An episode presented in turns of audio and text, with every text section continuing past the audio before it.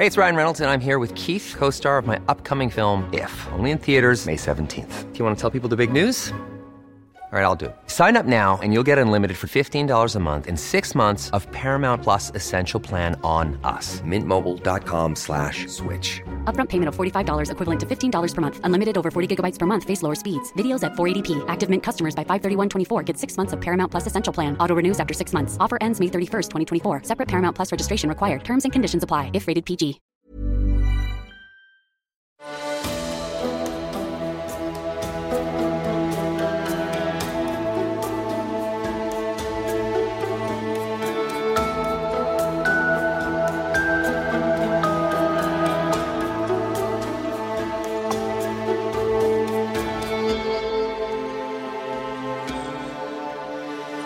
Velkommen til Seriemorderpodden, podkasten dedikert til seriemordere. Hvem de var, hva de gjorde og hvordan. Jeg er din ydmyke vert, Thomas Rosseland Wiborg Tune, og dette er den siste episoden i sagaen om Jeffrey Dahmers liv og levnet.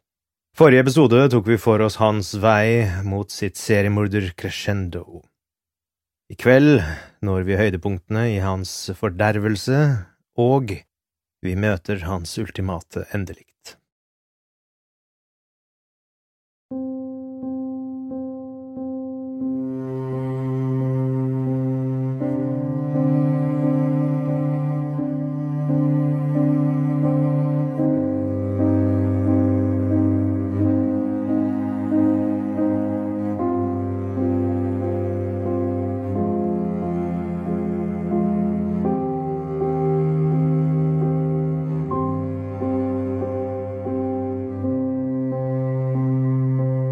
Forestill deg, kjære lytter, året 1988. Stedet er 808 North 24th Street i Milwaukee. Jeffrey Dahmer har akkurat flyttet inn i en leilighet i en beige treetasjes lavblokk der. Bygningen fins ennå. Går du inn på Google Maps Street View, ser bygningen identisk ut som den gjorde for snart 40 år siden. Den eneste umiddelbare forskjellen man ser, er en elsparkesykkel parkert på fortauet foran inngangen. Tidligere har jeg fortalt deg, kjære lytter, om min mistanke om damer som lille Adam Walshes morder. I massemedia blir damer som oftest ikke presentert som det rovdyret han faktisk var.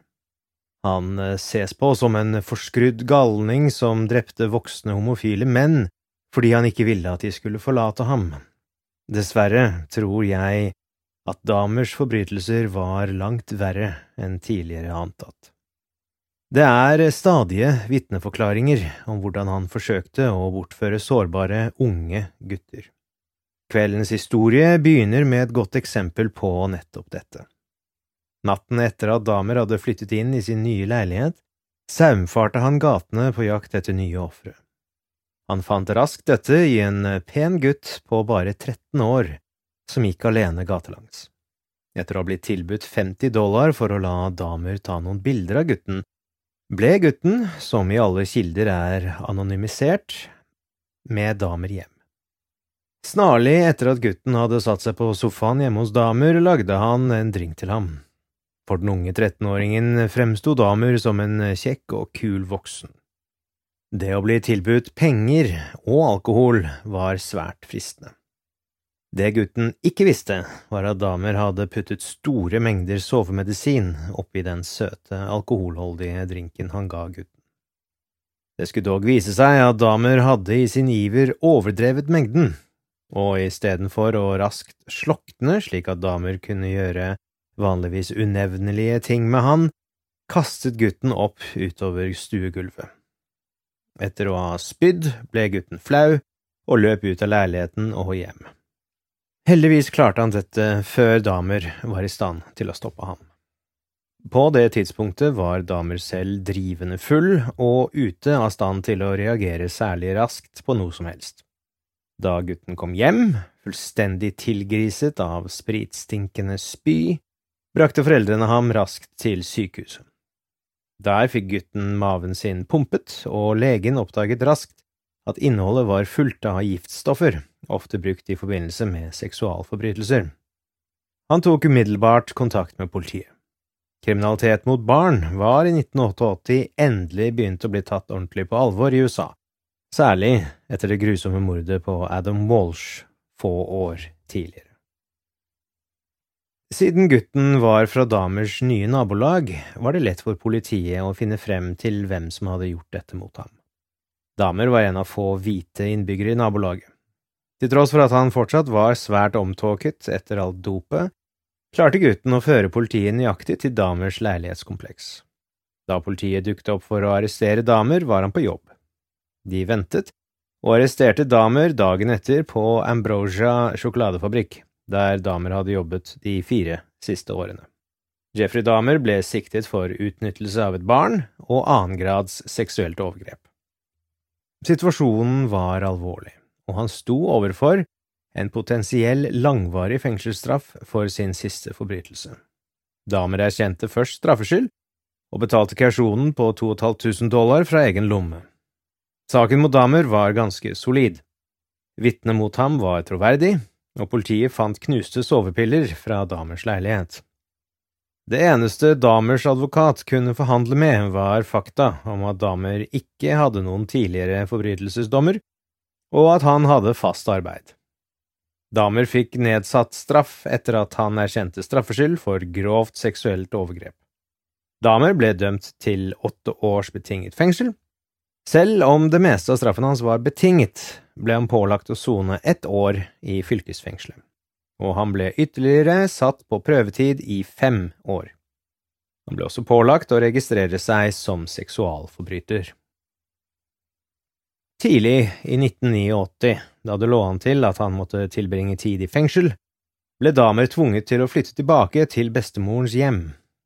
På dette tidspunktet forventet bestemoren at han skulle avstå fra å drikke fullstendig og slutte med å bringe unge menn tilbake til huset hennes.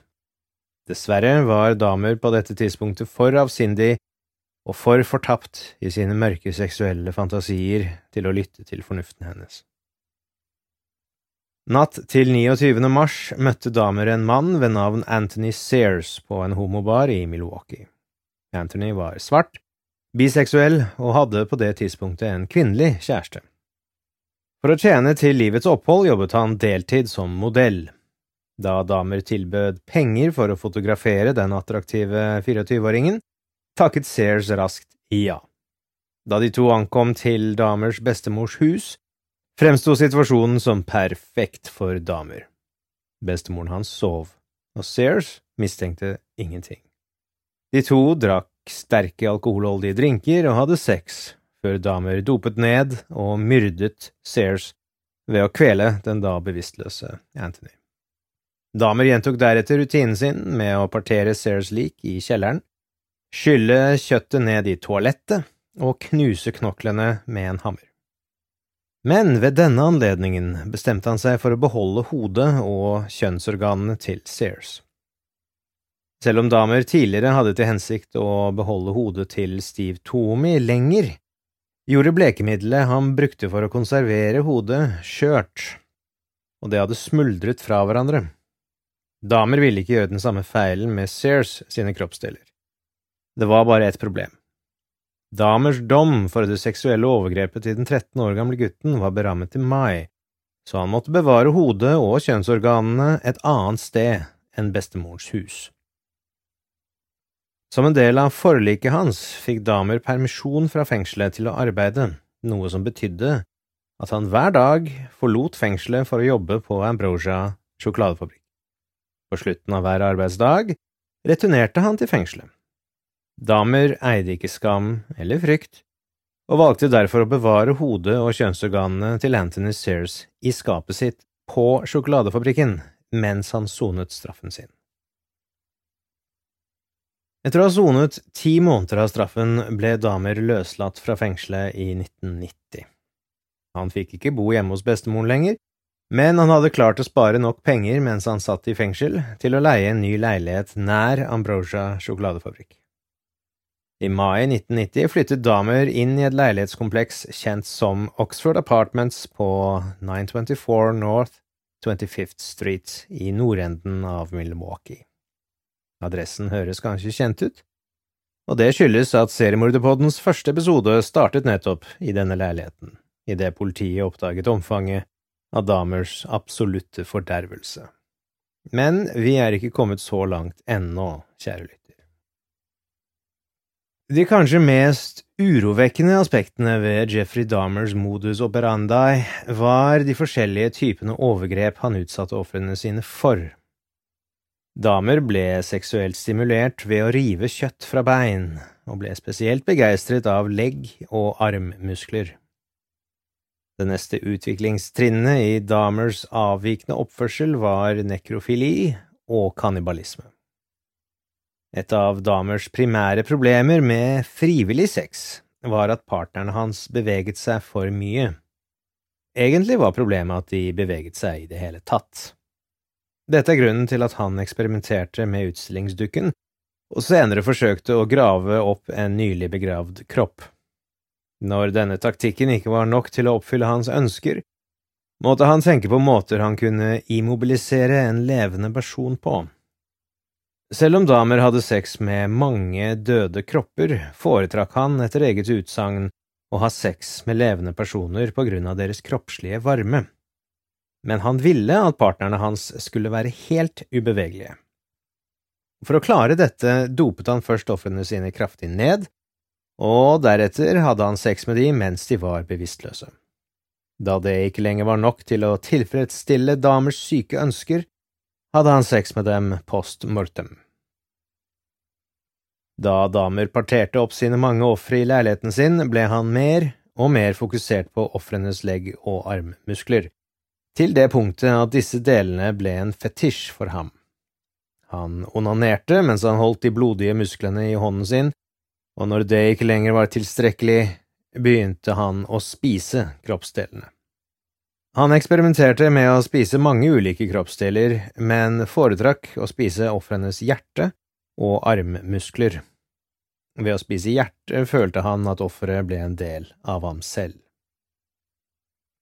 Da å bevare offerets hodeskaller og kjønnsorgan, samt å spise kroppsdeler heller ikke var nok for damer, fikk han ideen om å gjøre om et offer til en levende sexzombie.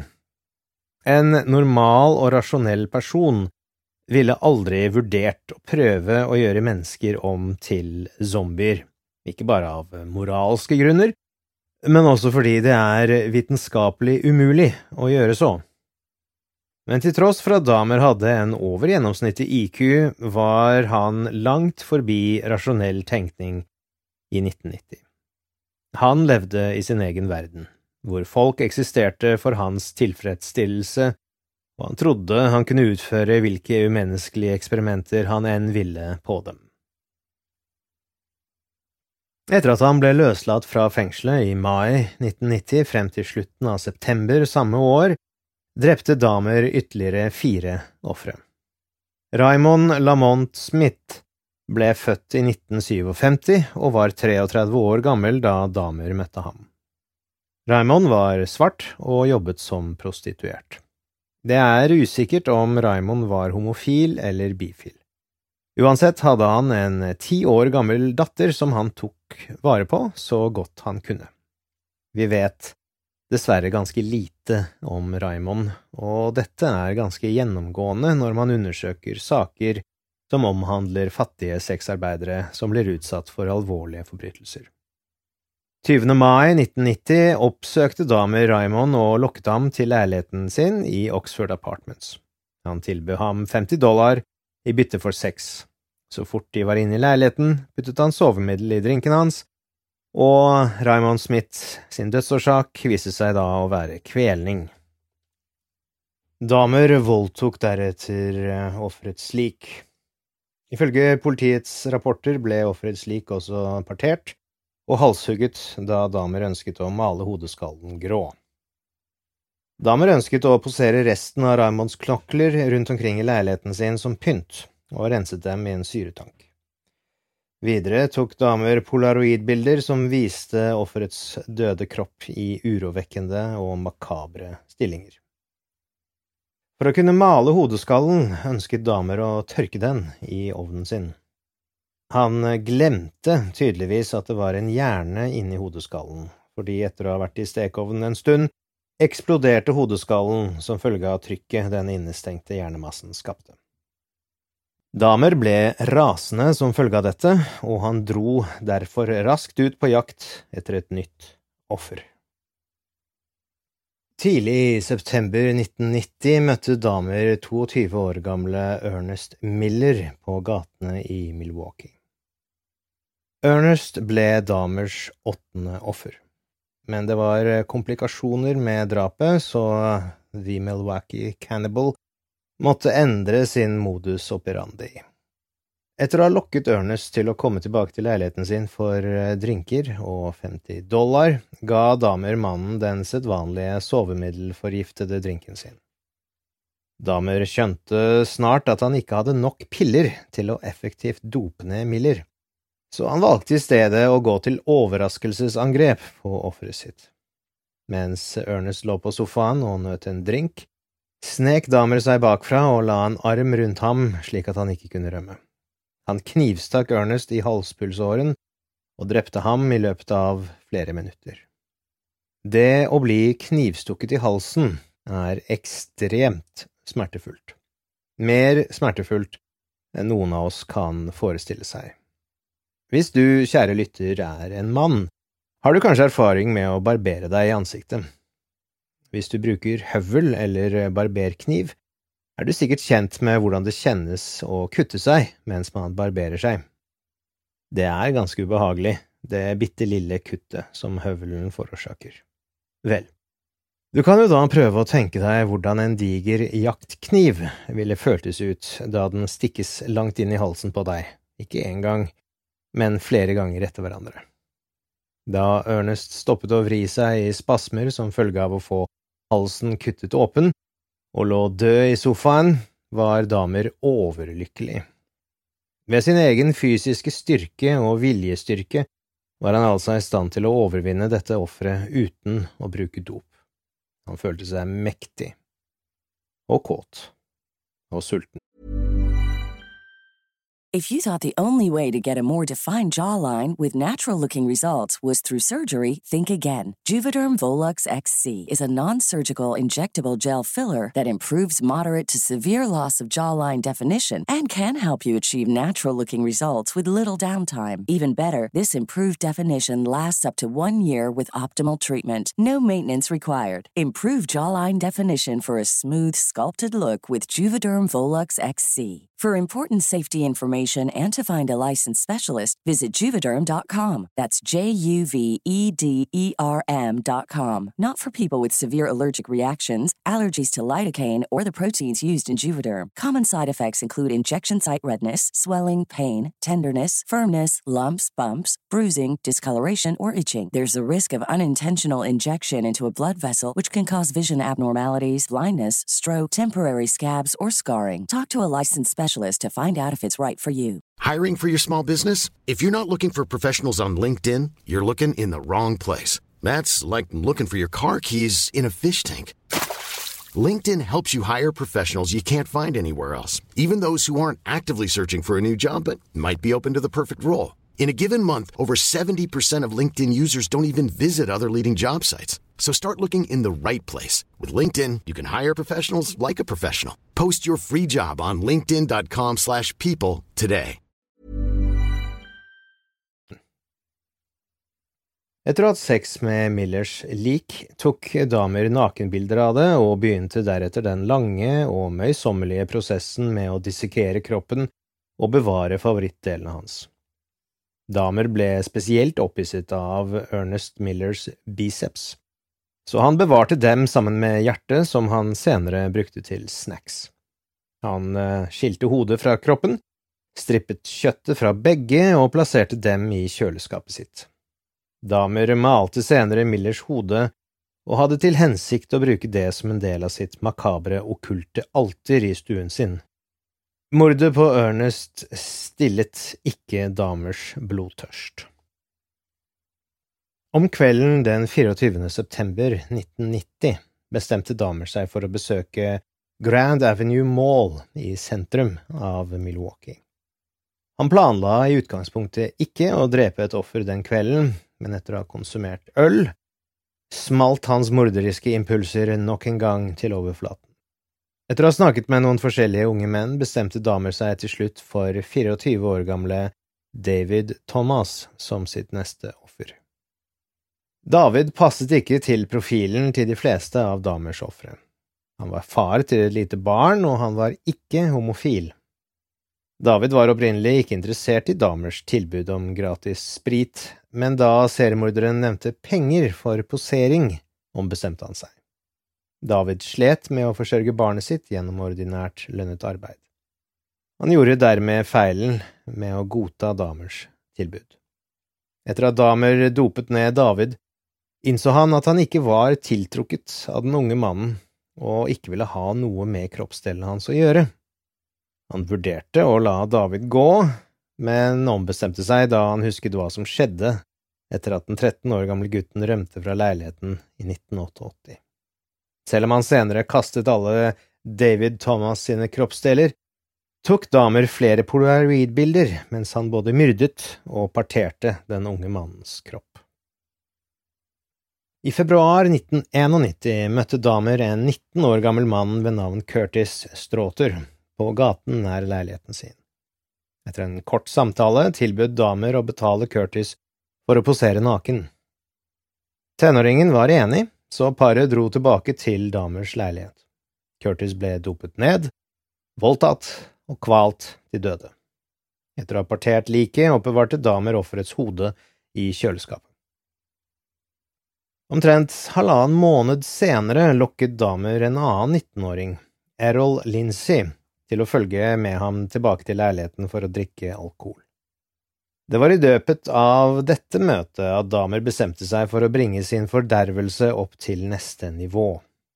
Damer hadde skaffet syren som han trodde han trengte for eksperimentet fra lokale jernvarebutikker, og fortalte de butikkansatte at han trengte stoffet for å rense murstein. Etter at han dopet ned Errol, i stedet for å kvele den unge mannen, skar Damer et hull i hodet hans og helte i syre.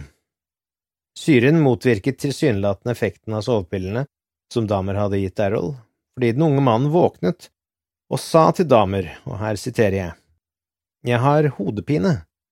Hva er klokka? Sitat slutt.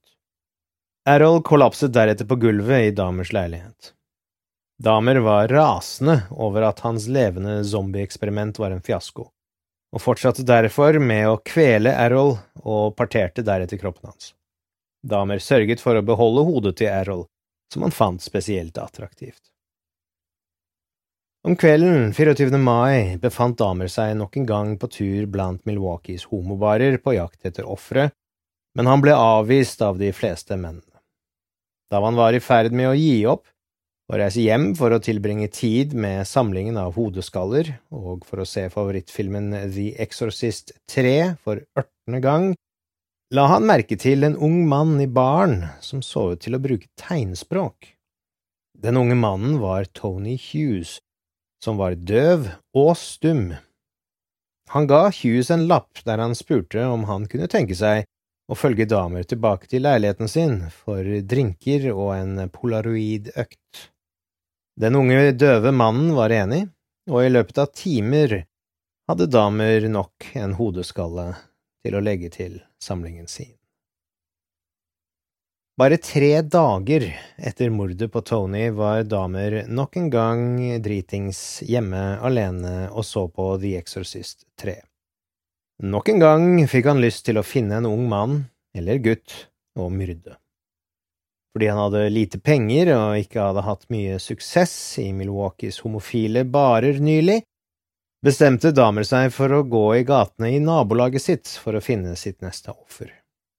Det tok ikke lang tid før han møtte den 14 år gamle laotiske gutten Konerak Sintasomfone.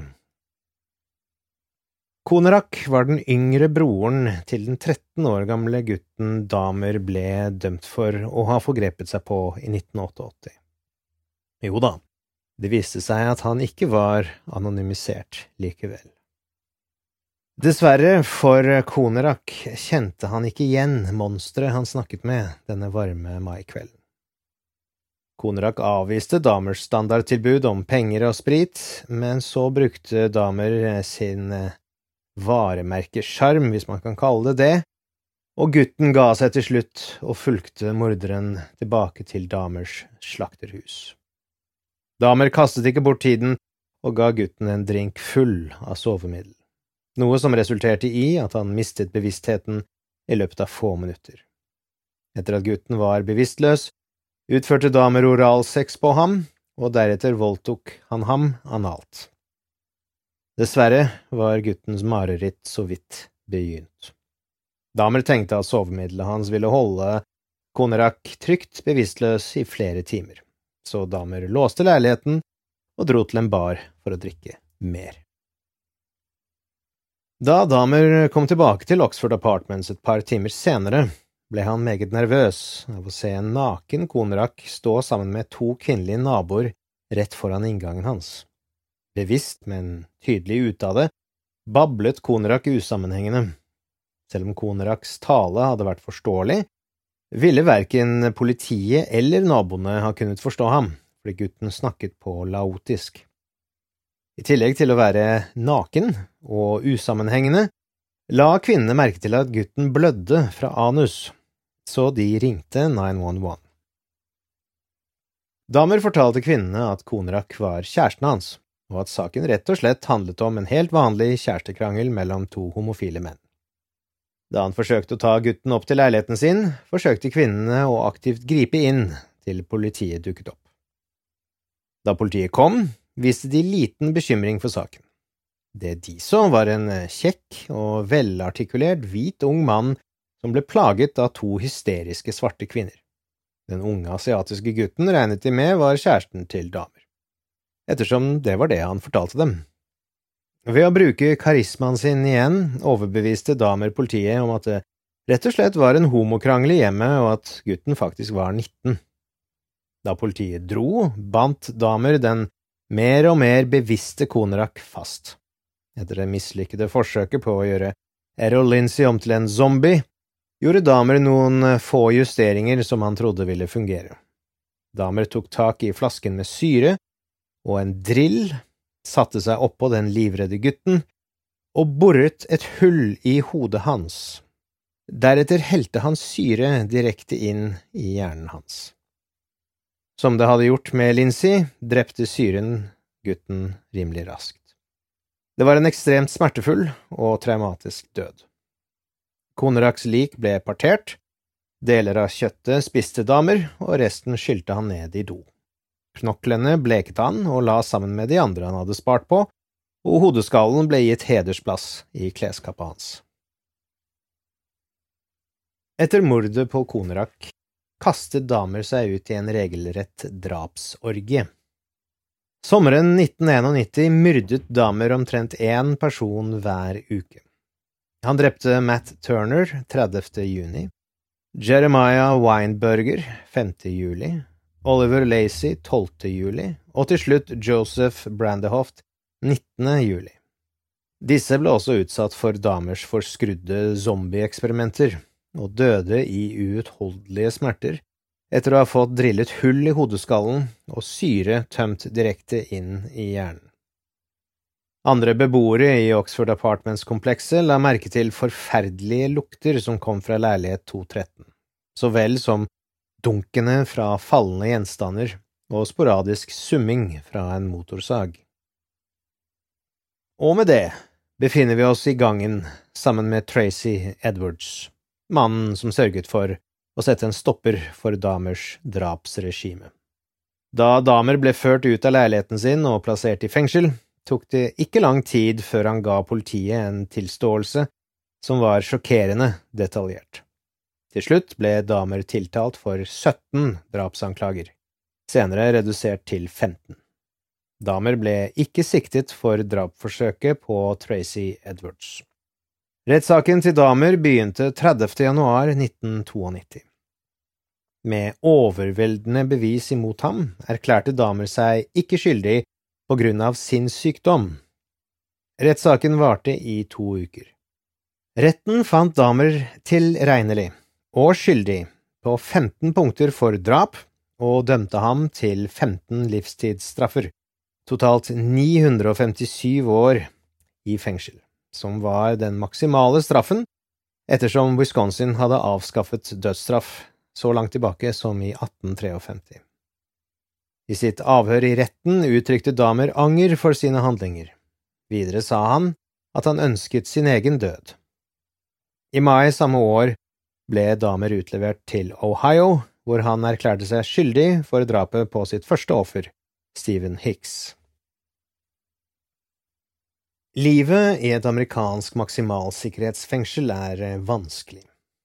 Maksimalsikkerhetsfengsler er der de verste lovbryterne fra de ulike amerikanske fengslene sendes, og er derfor fulle av mordere, voldtektsmenn, gjengmedlemmer og innsatte som aldri igjen vil se omverdenen. Mange innsatte er gjengangskriminelle fra lavere sikkerhetsfasiliteter som har begått overgrep på innsatte og vakter, og er ofte involvert i utpressing, narkotikasmugling og gjengaktivitet. Columbia Correctional Institution er der de verste av Wisconsins lovbrytere sendes. Damers nye naboer omfattet ledere av gategjengene Latin Kings and Disciples, samt medlemmer av Outlaws MC-klubb og en rekke andre mordere som sonet livstidsdommer. Det ble umiddelbart fremsatt trusler mot damers liv. Til tross for damers protester om det motsatte, førte det faktum at de fleste av ofrene hans var svarte menn, til en oppfatning om at han målrettet svarte på grunn av rasisme. Det var snakk om at de svarte gjengene hadde en kontrakt ute på livet til damer, og det var en lang rekke av innsatte av alle raser som var villige til å oppfylle den. For å unngå en potensiell rettssak og en potensiell mediekatastrofe hvis damer ble drept, måtte fengselsadministratorene ta truslene på alvor. Fengselspersonalet måtte også ta hensyn til damers potensial til å drepe innsatte bak murene. Han var en erfaren seriemorder som åpenlyst innrømmet at han hadde en umettelig lyst til å drepe. På grunn av truslene om å drepe ham og den potensielle trusselen han selv utgjorde for andre innsatte, ble Damer skilt fra fengselets generelle befolkning det første året. Han hadde ingen kontakt med andre innsatte og svært lite samhandling med vaktene. Han fikk ikke jobbe, og han ble bare sluppet ut av cellen for måltider og sporadisk rekreasjon, noe han måtte gjøre alene. Etter omtrent ett år i isolasjon ble Jeffrey Dahmer flyttet inn i en celleblokk med den generelle fengselsbefolkningen. Fengselsbetjentene slo fast at Dahmer utgjorde en minimal trussel mot fengselspersonalet og andre innsatte, og truslene mot livet hans fra andre innsatte hadde blitt betydelig redusert siden han ankom til Columbia Correctional Institution. Dahmer fikk muligheten til å forbli isolert, men han mente at trusselen fra hans eget sinn og tanker var verre enn noe han kunne møte i hendene på de andre innsatte. Han antydet også ved flere anledninger, både i intervjuer med journalister og samtaler med familiemedlemmer, at han ikke lenger brydde seg om han levde eller døde. Da damer ble flyttet inn i den generelle fengselsbefolkningen, fikk han jobb som vaktmester i celleblokken sin Jobben gjorde at han kunne bevege seg på dagtid, og han kunne tjene en liten sum penger han kunne bruke til å kjøpe snacks og andre småting fra fengselskantinen. Damer fortsatte å være en enstøing. De fleste av de andre innsatte ønsket ingenting å gjøre med Milwaukee-kannibalen, enten ut av frykt eller som følge av avsky. Noen måneder etter han ble plassert i den generelle fengselsbefolkningen, angrep en innsatt damer med en improvisert kniv. Damer kom fra angrepet med kun noen overflatiske kutt. Ifølge både vakter og innsatte hadde damer over en lengre periode i 1994 ertet en mann ved navn Christopher Scarver. Scarver var en mann som virkelig hatet damer, og som syntes forbrytelsene hans var både motbydelige og utilgivelige. Av en eller annen grunn ble Skarver, damer og en mann som het Andersen, beordret til å utføre vaktmesterarbeid sammen i fengselets gymsal den 28. november 1994. Skarver tok der opp en 20-tommers manualstang og begynte å slå damer gjentatte ganger i ansiktet og hodet. Etter noen slag kollapset damer, men Scarver fortsatte å slå ham igjen og igjen helt til seriemorderens hode så ut som en blodig, uformelig masse. Fornøyd med det han hadde gjort mot damer, fant Scarver deretter Anderson i en annen del av gymsalen og ga han den samme behandlingen. Scarver fortalte rolig en vakt at, og igjen siterer jeg, Gud ba meg gjøre det, Jesse Anderson og Jeffrey Dahmer er døde. Sitat slutt. Dahmer døde senere samme dag på et lokalt sykehus, og Andersen døde to dager senere av sine skader. Og med det kommer vi til slutten av den femte episoden av Seriemorderpodden og slutten på sagaen om Jeffrey Dahmer. Jeg håper du har hatt glede av å tilbringe litt tid med meg i kveld. Neste episode, som kommer om to uker, vil jeg ta med deg på en ny reise inn i det absolutte mørket som er historien om seriemordersuperstjernen BTK. Så som de sier i Radioland, følg med.